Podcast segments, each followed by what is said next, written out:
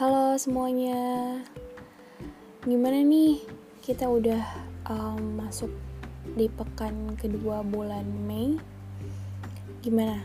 Berjalan dengan baik nggak? Atau udah ada yang dapat kejutan?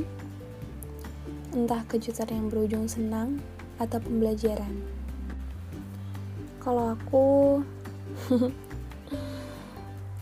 bulan Mei ini akan ada kejutan yang menyenangkan karena Kyungsu akan rilis series dokumenternya dia bareng Discovery.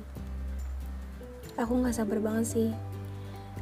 Mungkin uh, saat podcast ini kalian dengerin, acaranya Kyungsu udah tayang dan bahagianya kami para international fansnya dia adalah acaranya tayang di YouTube bener-bener di YouTube loh platform terbaik. Karena kan um, bisa diakses di banyak negara kan.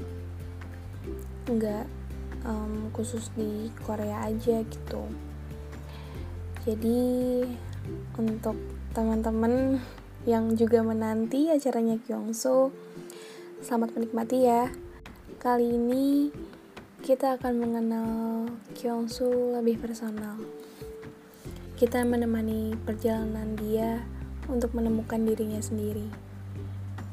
Dan aku yakin sih, secara nggak langsung kita juga akan menemukan diri kita sendiri melalui dia. aku nggak, aku nggak bisa berhenti senyum kalau ngomongin topik apa pun tentang dia. Aku yakin kalian yang juga suka Kyungsu pasti senyum-senyum sendiri. Jadi, selamat menikmati perjalanan Kyungsu. Happy watching. Uh, sejujurnya, dulu aku agak susah sharing tentang hal-hal yang aku suka. Dulu rasanya setiap mau share mengenai apa pun yang sedang aku suka tuh berat gitu ada aja perasaan-perasaan takut, ragu, ujungnya jadi nggak jadi. Takut dengan respon orang lain, takut hal yang aku suka tuh nggak seberapa, takut selera aku terhadap sesuatu itu nggak bagus gitu. Takut kalau aku akan dipandang berlebihan, dan takut kalau hal yang aku suka juga disukain banyak orang. Jadi takut perasaan spesial itu gak ada lagi buat aku. Dan banyak ketakutan-ketakutan lainnya jadi bikin aku um, membatasi diri untuk share ke dunia tentang apa yang aku suka misalnya itu buku bacaan, makanan, film, lagu, awan, hujan, atau apa pun.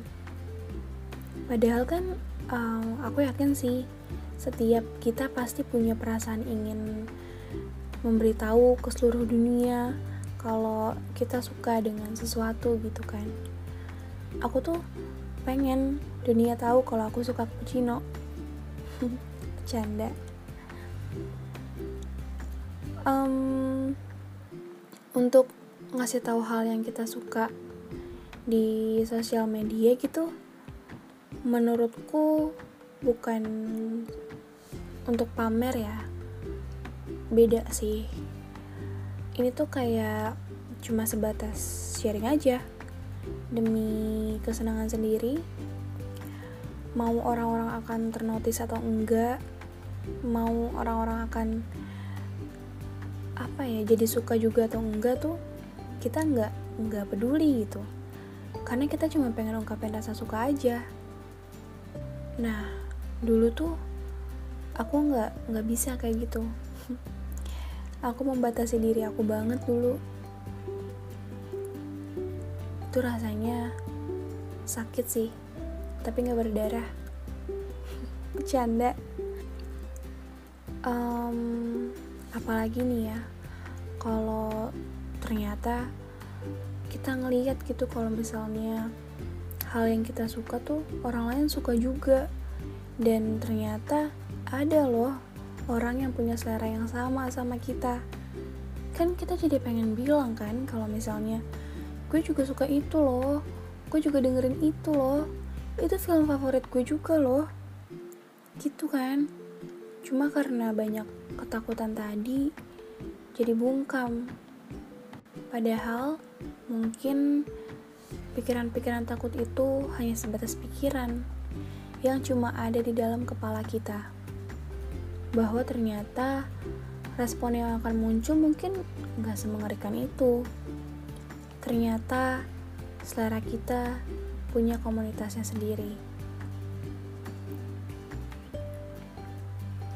Lalu pada satu waktu aku mulai memberanikan diri untuk memecahkan bubble yang membatasiku tadi dengan berbagi cinta yang sama. Kalimat yang aku dapat dari seorang teman yang juga aku dapat karena punya kesukaan yang sama. Berbagi cinta yang sama, share hal-hal yang aku suka ke banyak orang di sosial media. Lagu yang sedang on repeat aku dengerin. Film yang lagi aku tonton. Makanan yang jadi favorit aku. Penyanyi dan aktor yang aku suka tentu berbagai tanggapan pasti datang.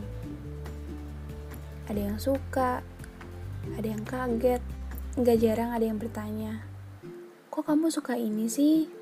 Sejak kapan suka ini? Kamu dengerin itu sekarang? Pada akhirnya, kita cuma perlu menjelaskan. Entah ujungnya mereka akan paham atau enggak, enggak apa-apa. Karena kita bukan poros dunia, Gak semuanya harus tentang kita. Gak perlu orang lain mengerti apa maunya kita. Lagi pula, sepertinya mulai sekarang kita coba lebih menghargai selera masing-masing deh. Karena perasaan benci yang entah dari mana itu, ujungnya cuma buat capek. Kenapa nggak coba mengenal dan menikmati banyak hal untuk akhirnya mengerti mengapa seseorang bisa menjadi penyuka? dan seiring berjalannya waktu sekarang berbagi kesukaan menjadi hal yang ringan apalagi dari sana aku menemukan teman-teman baru. Orang-orang yang dengan kesukaan yang sama. Jadi berasa punya kekuatan baru. Perasaan menang yang gak bisa digambarkan. Kalau udah uh, ngobrol sama mereka tuh dunia aku tuh berhenti rasanya dunia nyata sama dunia semesta aku sendiri tuh beda gitu. Gimana ya ngejelasinnya? Ya gitu deh. Pokoknya perasaannya jadi menyenangkan.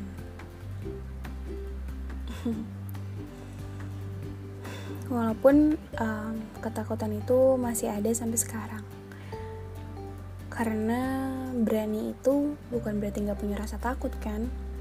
Justru berani ada karena rasa takut itu ada. Rasa takut karena ternyata mereka yang punya kesukaan yang sama dengan kita itu lebih banyak dari yang kita duga. Jauh lebih banyak. Apalagi saat tahu kalau Kyungsu dan teman-temannya di EXO itu sebesar itu. Takut kalau rasa spesial atau keistimewaan jadi terasa biasa. Tapi perasaan kayak gitu mulai mulai padam sih. Seiring pemahamanku bahwa keistimewaan yang aku rasa terhadap hal yang aku suka itu punya aku dan untuk aku simpan sendiri di sudut yang gak bisa tersentuh siapa pun. Jadi, untukku, dia tetap istimewa. thank you